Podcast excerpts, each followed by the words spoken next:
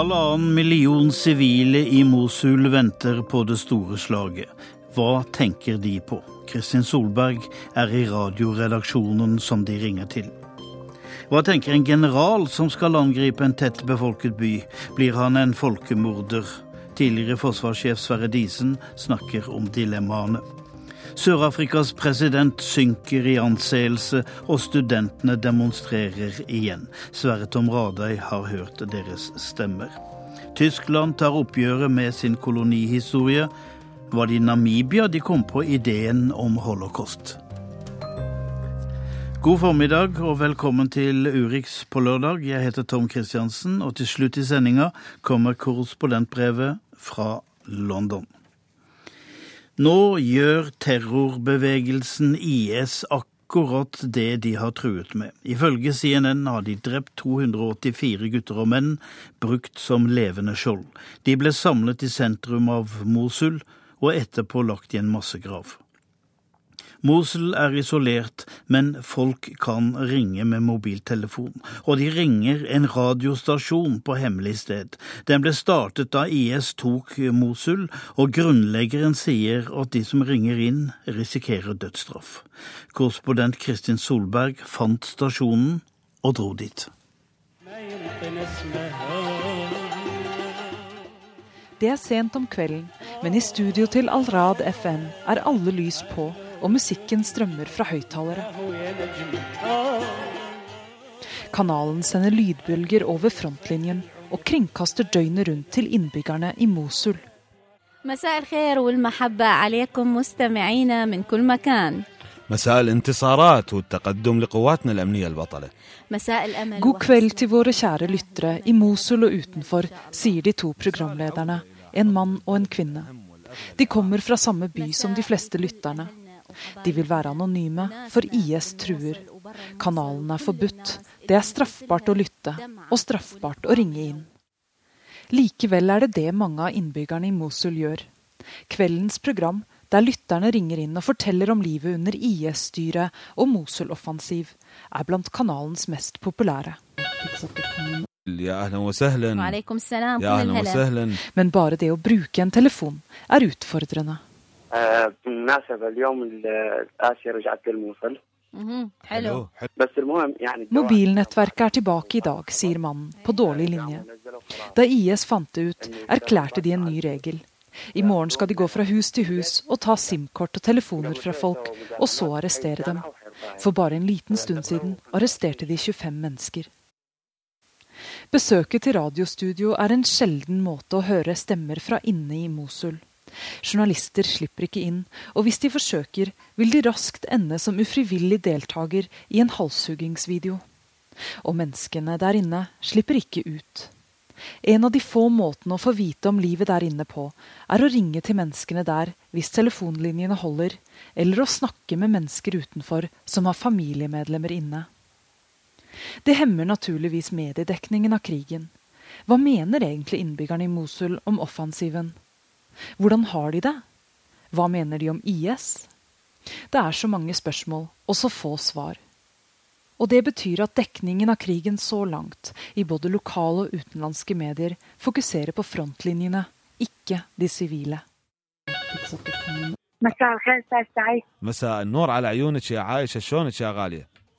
Det er ikke godt å vite hvor representative innringerne til radiokanalen er. Men i studio finnes i hvert fall noen svar, i form av telefonsamtaler på dårlige linjer.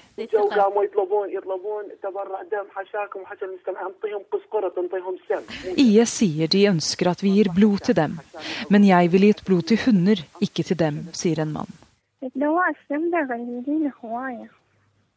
Mm -hmm. IS er redde nå, ikke som før. De er færre og de er mindre selvsikre, sier en kvinne.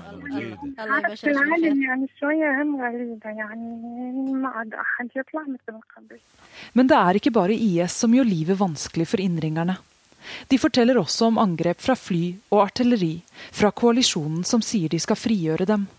I Vest-Mosul har flere innbyggere flyktet til øst pga. slike angrep. قصص على منطقتنا أي. منطقة لهم عفوا بيوتهم وطلعوا عافوا بيوتهم وطلعوا أيوة هي عندي مشكلة الناس راحت بيوتها وطلعت Alle har forlatt hjemmene sine i nabolaget mitt, sier Nord fra Vest-Mosul på så dårlig linje at programlederen ber henne gjenta hva hun sier. Så kommer en telefon fra en politimann. Han har først en advarsel til andre lyttere. المتصلين اي متصل يخابر عليكم لا ينطي مكانه وين Innringere bør ikke si hvilket nabolag de ringer fra. Hvis noen f.eks. ringer og sier de er fra Kahira, kommer IS til å gå dit i morgen og arrestere dem. لا مكان من القاهره بالله ثاني يوم يدهمون Da IS tok kontroll over Mosul for to år siden, drepte de mange av politimannens kolleger. Han har overlevd fordi han ikke har gått ut av huset. ايه قال لي صار لك سنتين ما طالع من البيت والله سنتين وثلاث اشهر اني ما شايف شارع يا لا عيني وحق عليك. يا الله طيب يا سيمور بعد التر... التحرير وين راح Hva skal du gjøre når du kan gå ut igjen, spør programlederen. Svaret er ikke veldig komplisert, men det tyder på at de siste to årene har bestått av ulevd liv. Jeg skal gå og kjøpe falafel, sier politimannen. Så skal jeg gå til en restaurant og røyke vannpipe og drikke te. على فلافل I Tyrkia har regjeringen vært frustrert over ikke å få være med på slaget om Mosul. Regjeringen mener at kampene i Nord-Irak i høyeste grad angår Tyrkia. Det er dit store mengder flyktninger kommer til å dra. Samtidig frykter tyrkerne at den etniske balansen i krigsherjede Irak skal endre seg. Mosul is only 90 kilometers from Turkey. It's very close. Mosul ligger bare ni mil fra Tyrkia. Kampen om byen kan skape en ny flyktningstrøm, sier den tyrkiske kommentatoren Ilter Turan, som er professor i statsvitenskap. Other countries, particularly in Europe, are trying to stop refugees from coming into their territory and are not particularly helpful in For som vi har sett, ingen andre hjelper Tyrkia med å ta hånd om flyktninger. maybe uh, 500,000 people talk about big numbers. People will come to Turkish border. Om en halv million irakiske flyktninger begynner å bevege seg mot Tyrkia, er det ikke godt nytt. For vi har nesten tre millioner syrere fra før, sier Bora Bayer Akhtar. Også han politisk kommentator ved et universitet i Istanbul. So Turkey wants to keep uh, the refugee flow in Iraq. Myndighetenes mål er derfor å få dem til å bli i Irak. Men kampen om byen ved Tigris bredder handler også om etnisk og religiøs rivalisering. For Mosul har vært en av Iraks mest blandede byer. Her bodde muslimske arabere, kristne jesidier og armenere, sunnikurdere og ikke minst turkmenere, som tyrkerne føler seg i slekt med. Mosul var også en viktig by i det osmanske riket. Så president Recep Tayyip Erdogan har vært oppbrakt over at Tyrkias hær ikke ble invitert til å være med når IS skal fordrives fra millionbyen Mosul. I Bashika-leiren nord for Mosul i kurdisk Nord-Irak har 2000 tyrkiske soldater trent opp kurdiske militser og andre sunnisoldater. Regjeringen i Bagdad har protestert mot at tyrkerne er militært til stede i Nord-Irak. USA på sin side mener at alle utenlandske styrker i Irak må være godkjent av Iraks regjering i Bagdad, noe som irriterer USAs allierte Tyrkia. Bizim Başika'da eğittiğimiz oradaki Militsen vi har trent opp i Bashika-leiren har kjempet med peshmerga-styrkene. Dessuten har våre jagerfly deltatt i luftangrep. Så de som sier at Tyrkia ikke har noe i Mosul å gjøre, har fått sitt svar, brummet Tyrkias statsminister Benali Yildirim denne uken. This is a must for Turkey to be there. It is not a choice. Tyrkia må være med i kampen om Mosul, for om noen stenger Tyrkia ute, så er det av ond vilje, slik myndighetene ser det, sier Bayraktar. Tyrkia frykter at irakiske styrker vil endre på den etniske sammensetningen i Mosul og Nord-Irak. And uh, the Iraqi Shia militia uh, in the past in other places have been known to uh, attempt to change the population composition. And if this happens here, Den irakiske shia-hæren har forsøkt å endre det etniske mønsteret før. Så om dette skjer igjen på sunnienes bekostning, vil det skape sterk irritasjon. Og det vil også få økonomiske konsekvenser pga. rørledningen som frakter irakisk olje til Tyrkia, sier Ilter Turan til NRK.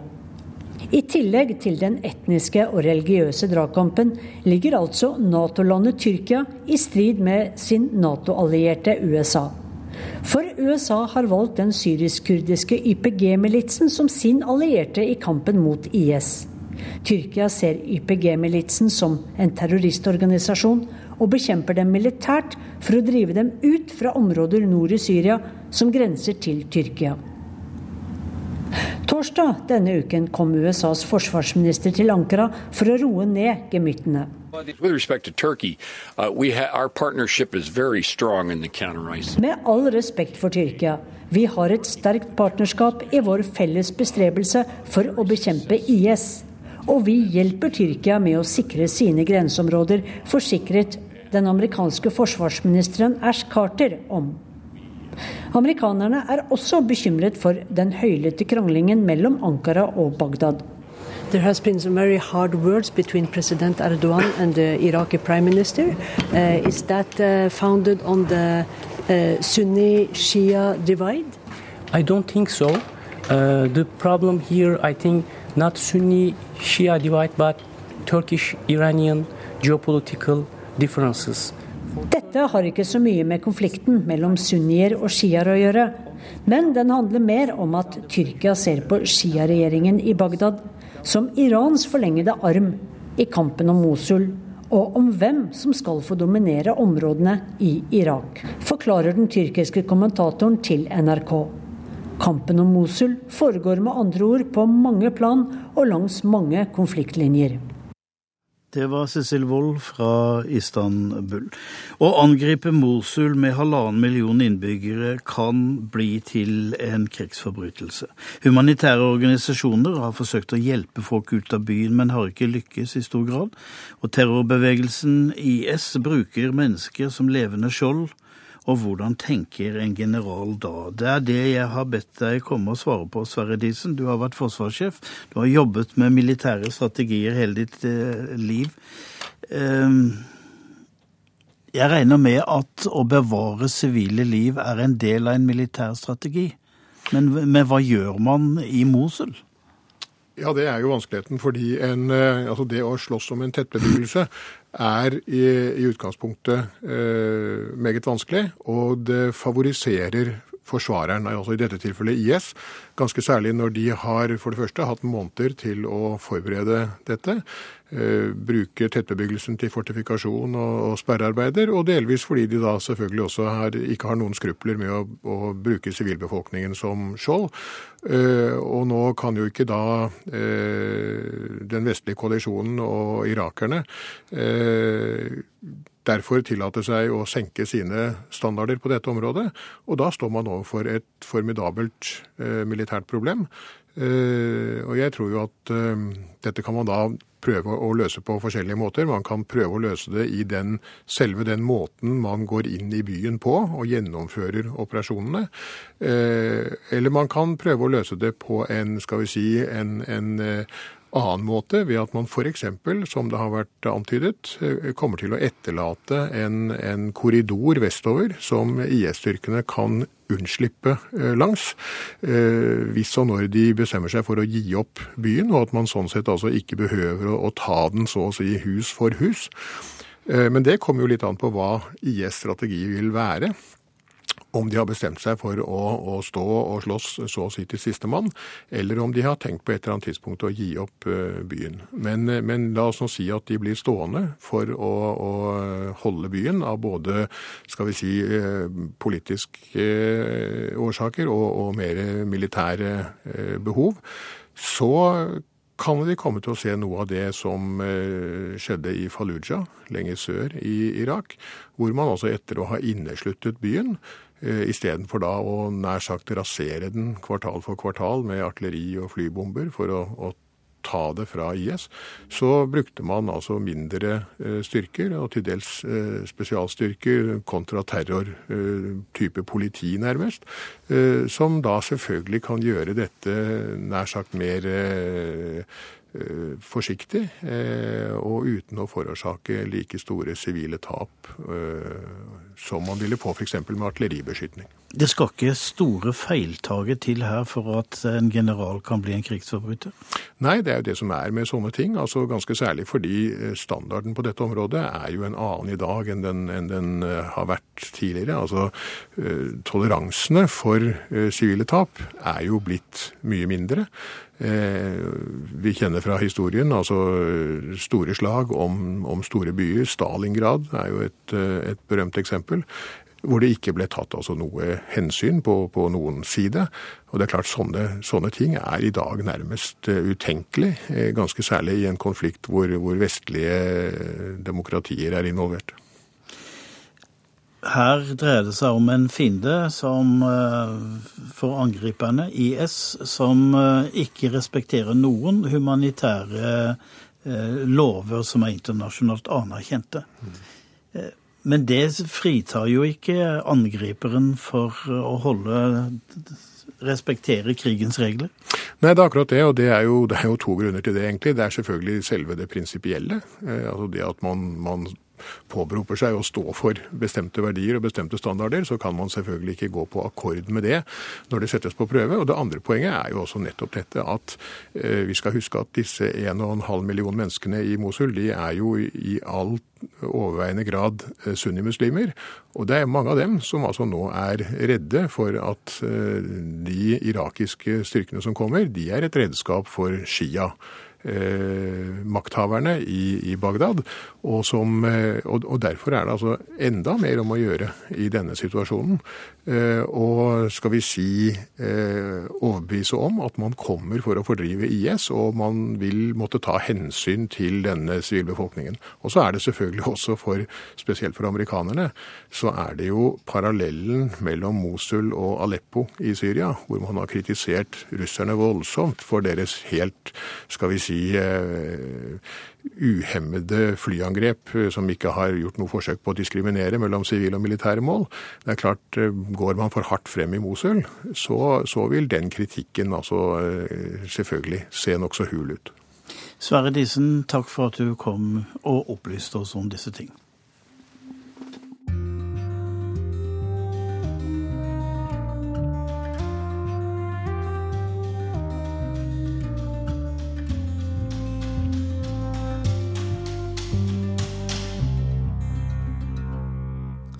I Sør-Afrika krever studentene gratis utdanning. For det lovet Nelson Mandela dem for 22 år siden. Var, det var da ANC kom til makten med rent flertall. Denne uka gikk studentene mot Somas kontorer i Pretoria, presidentens kontorer, mens politiet gikk til aksjon og fengslet studentledere over hele landet. Afrikakorrespondent Sverre Tom Radøy besøkte denne uka Witwatersrand-universitetet i Johannesburg, for det var der studentopprøret startet for nøyaktig ett år siden.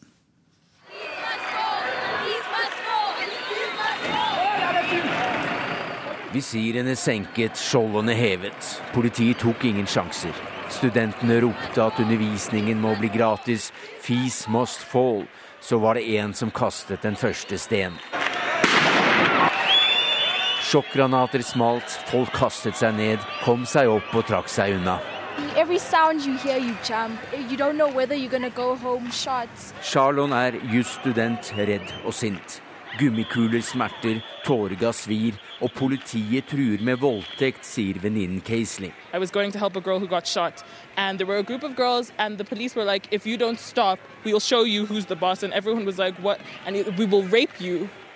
Utenfor Magistrates Court rundt hjørnet har politiet stilt seg opp. Der inne i rettssalen sitter studentlederen Dlamini, anklaget for vold og uro. Han har ikke alle med seg. Aksjonen er mannsdominert og lite inkluderende, sier kritikerne. Det er urealistisk at ingen skal betale. Mange har råd til det. Dlamini venter på dommen, mens et tusentalls studenter, lærere, rengjøringsfolk og andre universitetsansatte nærmer seg tinghuset.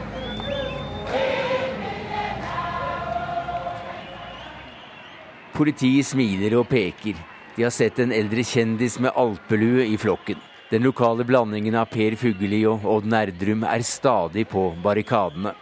Pitikanen Tull heter han. Skulptør, poet og professor eremitus. The things that they were fighting for 21 years ago, these are the same things. Studentene kjemper en rettferdig kamp, sier en Tull. Dette samfunnet må snart få noen løfter innfridd. Han peker på tinghuset bak oss og spør hva slags land Sør-Afrika har blitt når det fengsler en leder som fører an i kampen for det ANC har lovet dem i over to tiår. So how will this end? If that is not being dealt with very quickly, of course we are heading for a social revolution in this country. Sosial revolusjon, spår professoren. Han har ikke lenger tro på bevegelsen han kjempet med i kampen mot apartheid. De gamle lederne er blitt arrogante og har fjernet seg fra folket, sier han. Nå må vi satse på ungdommen. Han vinker til seg en ung, høy, farget lederskikkelse med skjegg og caps. I can't say I'm disappointed. It's, it's to be expected. The, the government of South Africa has lost its mind, if it ever had it. Regjeringen har mistet det lille vettet de eventuelt har hatt, sier Vayani Pambo. Han er nestleder for denne aksjonen.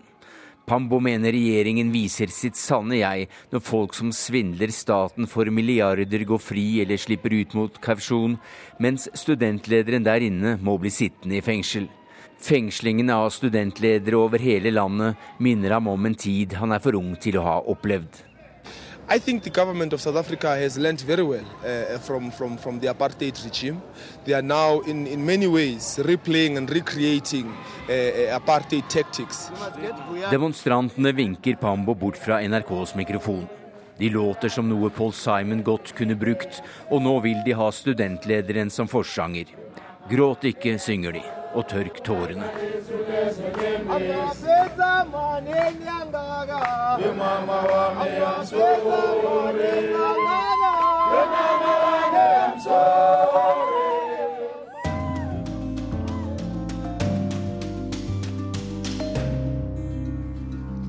I USA er presidentdebattene over, og amerikanerne ser fram til at denne surrealistiske valgkampen snart er over. Det gjelder ikke minst mange unge amerikanere, for det er velgere mellom 18 og 34 som kan avgjøre valget. De utgjør en tredel av stemmeberettigede. Noen graver dypt i lommeboka for å nå dem. Hey. Of course. How's it going? Welcome. Ben tar imot meg i det hippe, åpne kontorlandskapet i San Francisco. Ben Wessel er sønnen til naboen min i Washington DC. En energisk og skjeggete fyr i slutten av 20-åra. Han jobbet som frivillig for Obama-kampanjen i 2012. Men etterpå flyttet han til vestkysten og fikk en godt betalt jobb. We're, we're phones, so uh, probably interested in supporting our candidates if they get out and vote. And so we're having one-on-one text message conversations from volunteers all across the country. Vi tekster tusenvis av unge velgere. Vi har utviklet teknologi som gjør det mulig å lagre massive mengder mobilnumre og ha personlige samtaler via tekstmeldinger med enkeltvelgere, forklarer han. Sammen med kollega Heather Hardgreaves går Bens jobb ut på å forsøke å få unge amerikanere til å stemme på Hillary Clinton og demokratiske kongresskandidater. Um, we have over 400 paid staff, so it's like field organizers and then fellows. We have like a paid uh, internship program. This year we're committed uh, 25 million dollars to our millennial vote program. Vi har 400 betalte medarbeidere og 25 millioner dollar vi kan bruke på dette arbeidet, forklarer Heather. From what I can tell, the Democrats have a very good chance of being outspent. Dette er mannen som betaler for det svimlende, kostbare gildet. The way it usually is. And if the message Hedgefund-milliardæren Tom Steyer er en svært rik og svært samfunnsengasjert mann. I 2010 kunngjorde han at han vil gi halvparten av den enorme formuen sin til veldedighet i løpet av livet. Og det er klimaspørsmål som står Styres hjerte nærmest. Han startet superpacken Next Gen Climate, som jobber med politisk påvirkning og mobilisering rundt klimaspørsmål. Basically, a super PAC um, allows uh, you know, individuals to spend money on a campaign on the independent expenditure side. Said we can't talk to the specific candidate campaign. En superpack kan bruke så mye penger den vil på uavhengig politisk påvirkning, forklarer Heather men den kan ikke koordinere aktivitetene sine direkte med f.eks. Clinton-kampanjen. Coke-brødrene og kasinomilliardæren Sheldon Adelson er kjent for å bruke hundrevis av millioner dollar for å hjelpe republikanske kandidater via sine superpacks. Men demokratene har nå altså skaffet seg et viktig instrument i Tom Steyer. I denne valgkampen bruker han nærmere 600 millioner dollar. Og hele 200 av dem altså, på noe han mener er blant det aller viktigste for klimasaken. Å engasjere og mobilisere de som skal arve USA den enorme millennialgenerasjonen. Really right? Economic justice, racial justice, climate justice, it all sort of comes together for, for millennials who have seen sort of an economic downturn, this environmental disaster and sort of racial unrest. Unge folk skjønner at klimaspørsmål henger sammen med både økonomisk trygghet og rasespørsmål. De ser sammenhenger voksne ikke ser, og er lette å mobilisere rundt denne saken, forklarer Ben Wessel. Unge velgere mellom 18 og 34 utgjør 31% av de som kan stemme i år. Innvandringsbølgen de siste tiårene har gitt USA en svært stor ung befolkning. Og den kan komme til å forandre amerikansk politikk for godt. Vi har flyttet oss noen hundre kilometer til Las Vegas i vippestaten Nevada. I et annet hipt kontorlokale jobber flere titalls ungdommer i oransje T-skjorter på spreng. Klimaet er min kandidat, står det på skjorta til Peyton Olsen.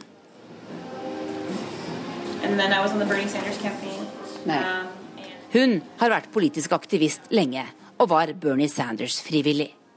Men nå får også hun betalt for å forsøke å engasjere andre unge politisk. So got, you know, director,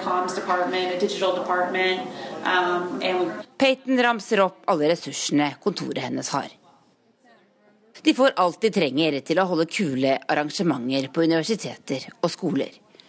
Her er rikelig med datautstyr, gratis brus og snacks dagen lang. Og Peyton og staben hennes bruker SMS-verktøyet Spoke, i tillegg til Snapchat og andre SoMe-verktøy for å nå unge velgere. Nine, nine out of ten millennials um, think that climate change and uh, clean energy, transitioning to clean energy, is the top issue. Ni av ti unge synes klimasaken er veldig viktig i valgkampen, forklarer Peyton. Det store spørsmålet er nå om de faktisk kommer til å gidde å møte opp i valglokalene 8.11. Hillary Clinton har ikke klart å engasjere dem, viser meningsmålinger. Next Gen Climate fokuserer derfor på klimasaken i stedet for kandidatene, og de satser alt på å nå de unge der de er. Ben i San Francisco forklarer salgspitchen slik. Vi er ikke noen kandidat, vi er bare en haug med ungdommer, mener den godt lønnede klimaentusiasten sa reporter Tove Bjørgaas.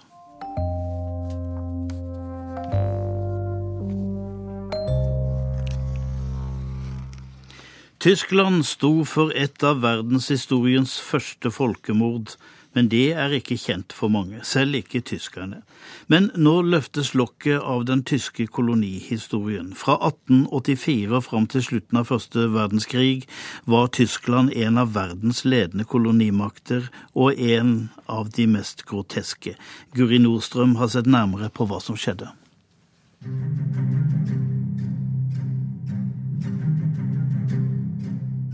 «12. mai 1883. Det tyske flagget heises på kysten av Sørvest-Afrika, dagens Namibia. De som bor her fra før, Herero og Nama-folket, protesterer.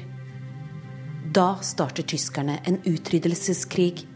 Grotesk uten sidestykke.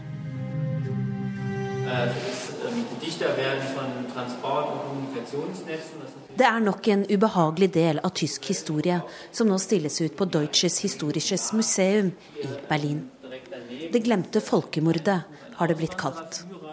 For det at tyskerne hadde kolonier i Tanzania, Namibia, Kamerun, Burundi, Rwanda, Qingdao, Togo, Samoa og Ny-Guinea fram til slutten av første verdenskrig, er noe mange ikke vet. Heller ikke tyskerne selv, som ellers er gode på å piske seg med sin brutale historie. Og det er nettopp fordi oppgjøret med nazismen har tatt så mye plass at kolonihistorien har kommet i bakgrunn, mener kurator for utstillingen Sebastian Gottschalk. Vi håper at, ähm, dazu beitragen kann, dass ähm, das Thema der Kolonialgeschichte auch im öffentlichen Bewusstsein breiter ankommt. Vi håper at utstillingen her kan bidra til at kolonihistorien blir mer kjent, og at den historien kan få samme plass som historien om nasjonalsosialismen, sier han. Og det er nok av grusomheter å bygge en utstilling av. Å rydde plass for tyske bønder i Namibia betyr utrydning av dem som bor der fra før. Det skjer på tysk vis, systematisk. Den tyske generalen Lothar von Trota, også kalt slakteren i uniform, leder han. Men når den militære motstanden i lokalbefolkningen er slått ned, fortsetter han likevel kampene. Generalen gir ordre om å utrydde folket. Tyskerne setter opp konsentrasjonsleire der fangene blir utnyttet til arbeidskraft og deretter sultet til døde.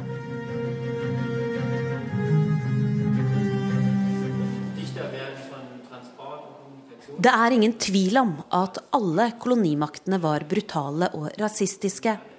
Og med en overbevisning om at de representerte et sivilisert samfunn, i motsetning til det de møtte utaskjærs.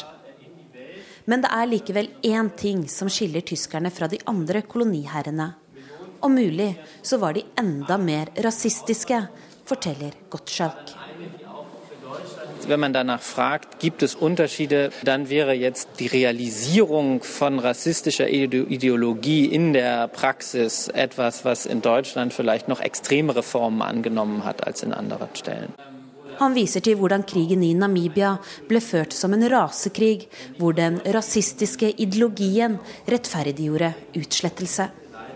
Das bezieht sich dann tatsächlich auf diesen Krieg, vor allen Dingen in Namibia, ähm, der als, als Rassenkrieg geführt wurde.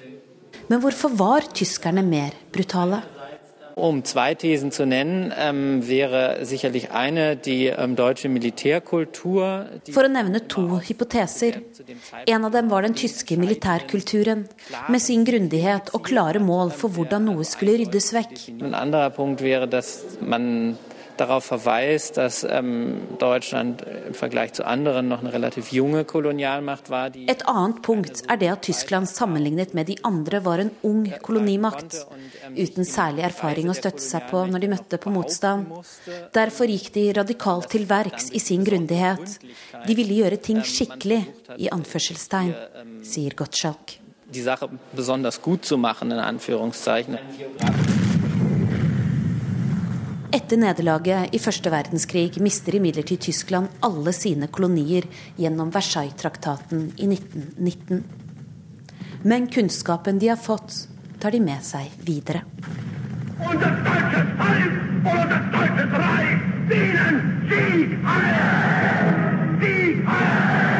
Flere forskere ser Tysklands kolonitid som en forløper til det som senere skjedde under Det tredje riket, og som en direkte inspirasjon til holocaust. Den afrikanske lokalbefolkningen ble sett på som undermennesker. Et såkalt kulturløst folkeslag som ikke hadde livets rett, og medisinske eksperimenter ble utført på mange av fangene. Flere av Hitlers fremste rasebiologer hadde tidligere erfaring fra feltarbeid i Namibia. En av dem var doktor Eugen Fischer, som senere skrev en lærebok i rasehygiene. En direkte inspirasjon for Hitlers Mein Kampf.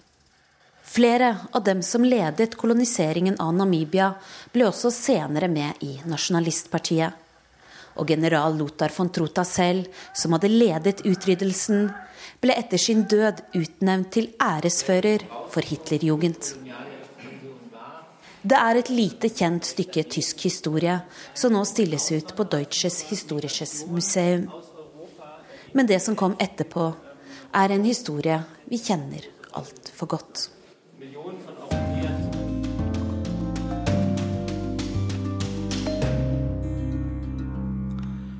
Valget i Montenegro sist helg var meget forvirrende for observatører. På valgdagen ble f.eks. 20 personer arrestert for å planlegge et statskupp, men ingen fant noen våpen, og kuppmakerne er for lengst ute av arresten. Roger Severin Bruland har sett nærmere på hvordan montenegrinsk operettepolitikk blir til.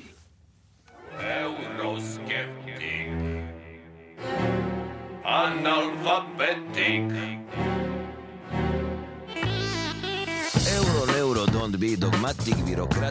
Det er euronevrose i Montenegro, synger Rambo Amadeus. Han er nasjonalpoeten i Montenegro, et land som drømmer om Europa, men som sitter fast i ei gjørme av korrupsjon og fattigdom. Det er leikegrinda til russiske oligarker med ølmage og store luksusyachter. Statsminister Djukanovic kaller det et skjebnevalg. Det handler om Nato-medlemskapet og de som prøver å sabotere det, nemlig opposisjonen. Ønsker vi å være en del av det moderne Europa eller en russisk koloni på Balkan, sa Djukanovic under et successful uh, Balkan leader in uh, last maybe 30 years. Djukanovic er den mest framgangsrike lederen på Balkan, forteller den montenegrinske ankermannen Radomir Krakovic til NRK på telefon. For his, uh, supporters, uh, his, uh, national hero. Tilhengerne elsker Djukanovic, men opposisjonen hevder han har stjålet alt av verdi i landet.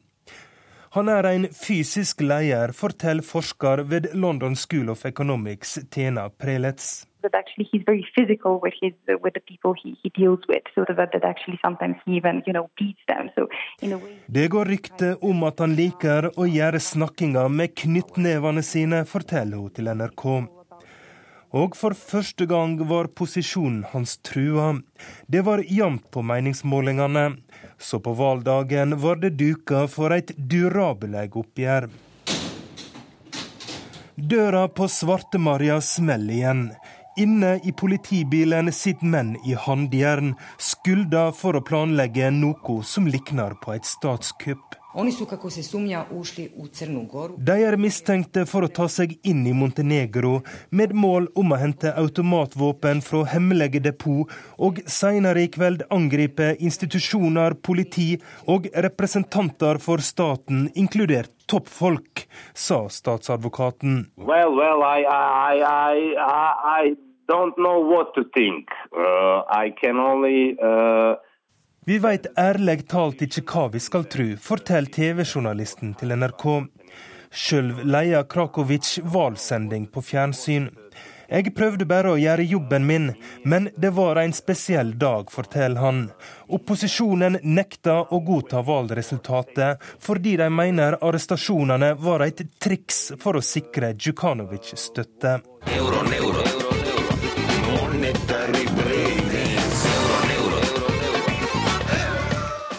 Så fikk mobiltelefonselskapene ordre om å stenge meldingstjenestene WhatsApp og Viber. Telenor er det største mobilselskapet i Montenegro, og selskapet bekrefter at de fikk ordre om å stenge disse tjenestene noen timer. Styresmaktene begrunner dette med at det hadde blitt sendt ut valgbudskap via disse tjenestene uten kundene sitt samtykke, og som var i strid med lokal lov.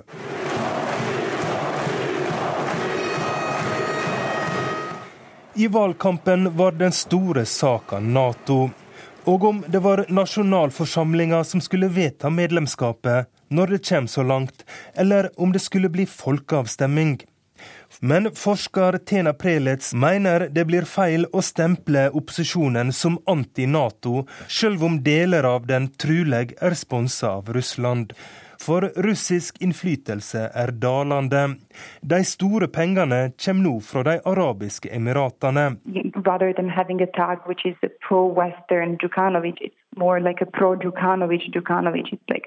Det handler altså mer om business enn om geopolitikk. It is not so much about geopolitics as much as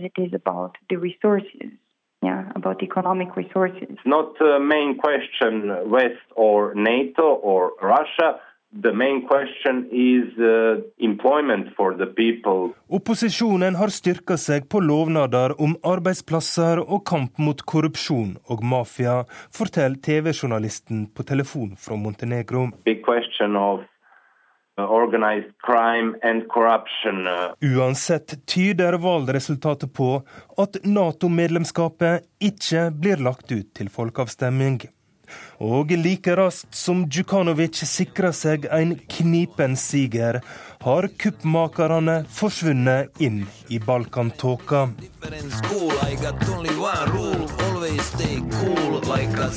Cool,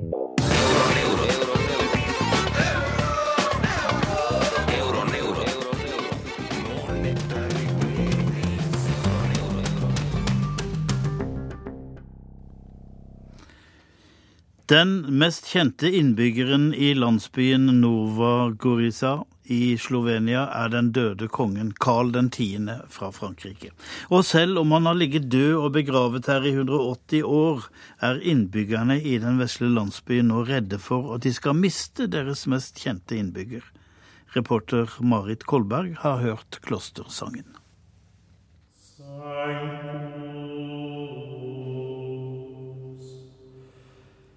I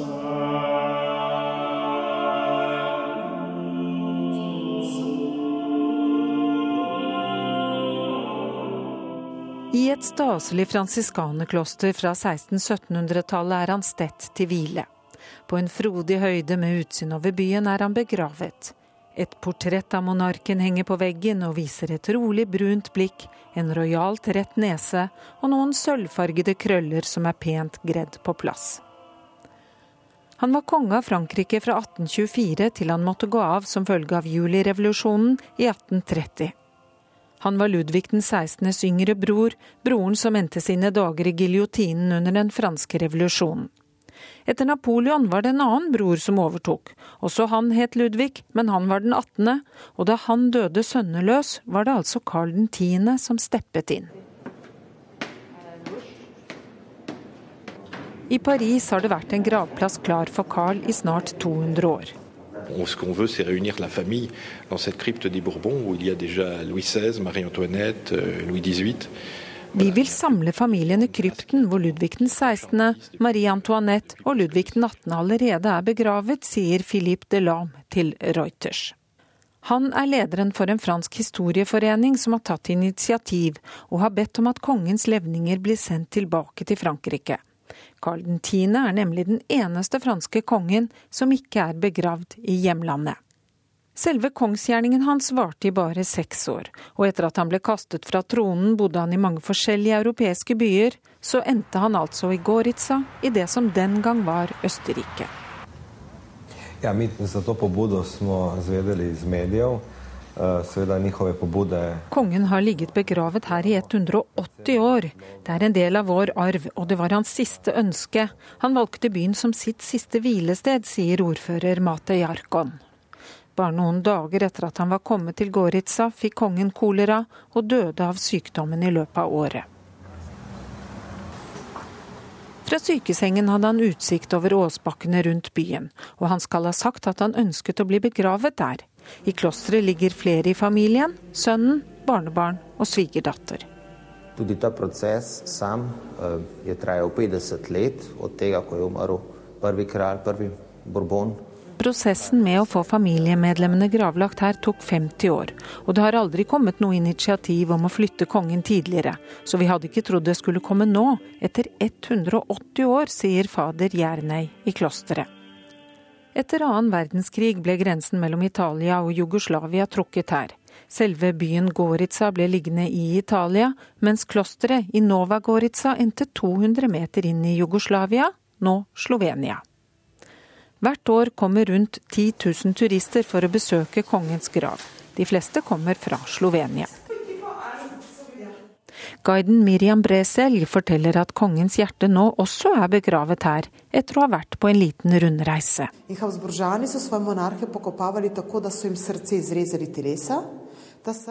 Når de begravet sine konger, skar de ut hjertet, og det ble også gjort med Carl. Men franskmennene ville ikke ha det den gangen, så det ble sendt tilbake hit. Nå er det begravet i en kiste ved siden av kongens levninger, forteller hun. Hun sier oppmerksomheten rundt franskmennenes initiativ har ført til at flere har blitt interessert i å besøke stedet. Og nettopp en økende interesse for Frankrikes kongehistorie er kanskje også det som har ført til et ønske om å få ham hjem. Ça peut, je dirais, participer d'un mouvement de redécouverte de l'histoire, de redécouverte du passé, så kan franskmenn få forsone seg med sin historie og minnes sine konger. Det er en sak som er viktigere enn bare Carl 10., sier Philippe Delane.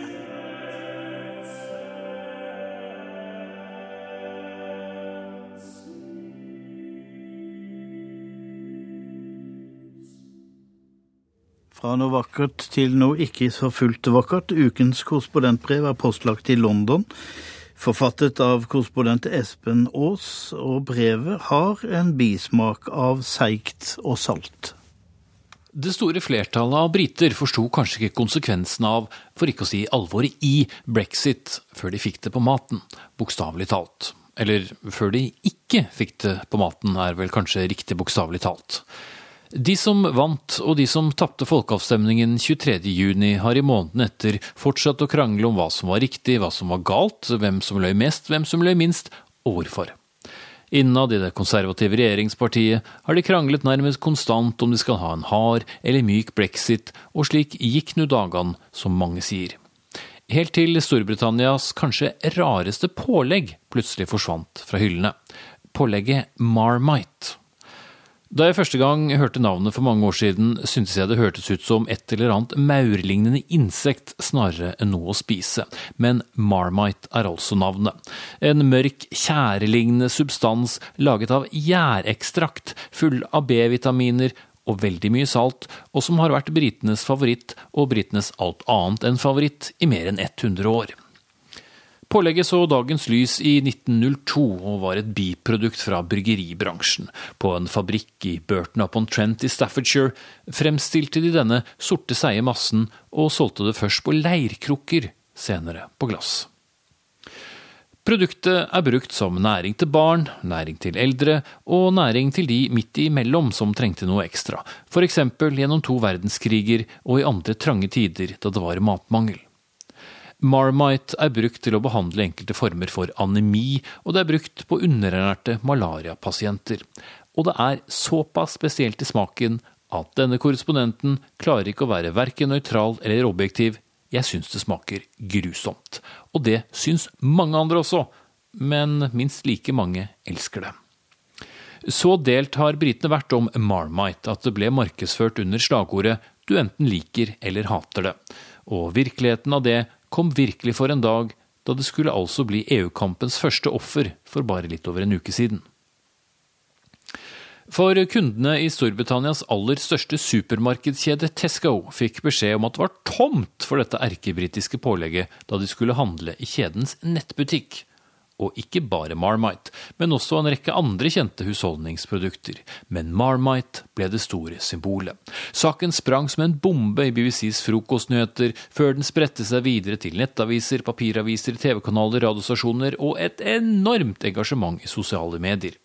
Under emneknaggene Marmitegate og Marmageddon kastet tilhengere og motstandere av for så vidt både Marmite og EU seg over hverandre i heftige diskusjoner om hva dette egentlig betød. Den bakenforliggende årsaken var faktisk brexit, eller EU-avstemningen som til slutt fører til en brexit, bruddet med EU. For etter den mest omtalte folkeavstemningen kanskje noen gang, har det britiske pundet vært på litt av en husketur nedover i verdi. Målt mot dollar og euro har den svekket seg med 20% siden avstemningen, og opp mot 30 for snart et år siden. Alt som importeres av varer og tjenester fra USA og eurolandene, ble følgelig like mye dyrere. Og det gjorde at de som eier Marmite, den britisk-nederlandske matvaregiganten Unilever, ga beskjed til Tesco om at de måtte sette opp prisene på varene sine med 10% for å begrense inntektstap. Men, men, men, stopp litt, sier du, kanskje. Hvis Marmite er så britisk som du sier, herr korrespondent, så kan da ikke Marmite bli dyrere? Den importeres jo ikke, den lages jo i Storbritannia. Og det er riktig, men Unilever importerer altså mange andre mat- og husholdningsprodukter, og fordi disse både er blitt dyrere og kan komme til å bli enda litt dyrere, så økte de prisene sine jevnt over. Også på britiske produkter som Marmite.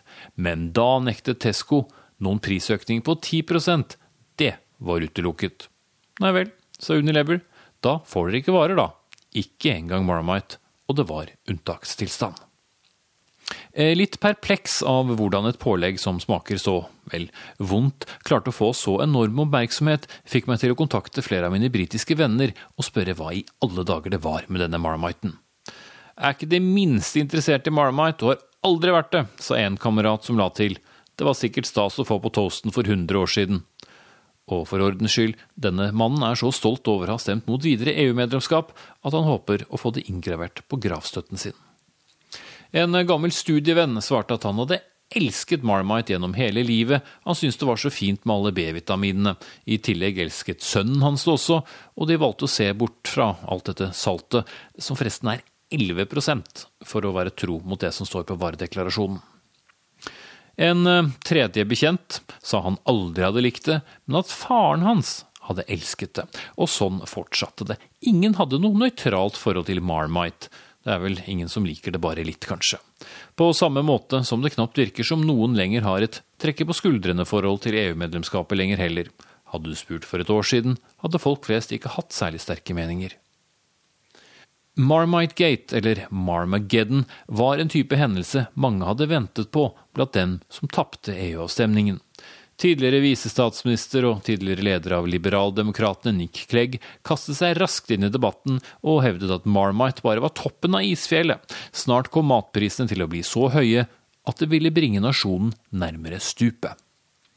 Andre EU-tilhengere kastet seg også på og sa at nå fikk EU-skeptikerne endelig se hva de hadde satt i gang. På nettauksjoner ble både uåpnede og åpnede Marmite-glass lagt ut for salg til mange ganger butikkprisen. I 24 timer varte krisen. I 24 timer var dette akk så lite velsmakende pålegget gissel før supermarkedskjeden Tesco og matvarekjeden Unilever kunne melde om at de hadde kommet til enighet. Marmite-tilgangen ville ikke bli stanset likevel. Det døgnet hadde Unilever fått så ørene flagret og Marmite-glassene singlet på sosiale medier og i tradisjonelle medier. Hvorfor hadde ikke Marmite vært billigere da pundet var sterkt da? Hva mente Unilever med å utnytte situasjonen på denne måten? Hvem trodde Unilever de var som kunne oppføre seg slik? Videre. Hva enigheten gikk ut på, ble mellom dem. Marmite-krisen var i det minste foreløpig avblåst. Men da mediene begynte å se på prisutviklingen i butikkene, var det klart at ting hadde endret seg. Ifølge den konservative avisen Daily Telegraph hadde enkelte typer barnemat fra en stor amerikansk aktør økt med 57% siden avstemningen, spagetti på boks med over 20% Noen av de mest kjente amerikanske brusmerkene hadde økt med 12% og denne uken kom offisielle tall som viste at den generelle prisstigningen i Storbritannia i september var den kraftigste på to år. Det i en tid hvor både offentlige lønninger og trygder er frosset for å holde utgiftene nede i de offentlige budsjettene etter finanskrisen. Men ikke alle ropte alarm. EU-utmeldelsen kommer til å bli en økonomisk opptur for hele nasjonen, lovet utenriksminister Boris Johnson og de andre brexit-tilhengerne, og ba folk ta det med knusende ro. Britisk økonomi er verdens femte største fortsatt. Ingen store selskaper har foreløpig forlatt landet slik de truet med, og turismen har i det minste økt kraftig etter hvert som pundet er blitt billigere. Men det var starten på en ganske spennende debatt. En debatt om hvem som skal betale for at det britiske pundet går dårlig i pengemarkedet. Storbritannias rareste pålegg rakk aldri å forsvinne helt fra butikkhyllene, men du verden som det rakk å sette en støkk i folk. Om det endret særlig oppfatningen om hvorvidt resultatet av EU-stemningen var riktig eller galt, tviler jeg på.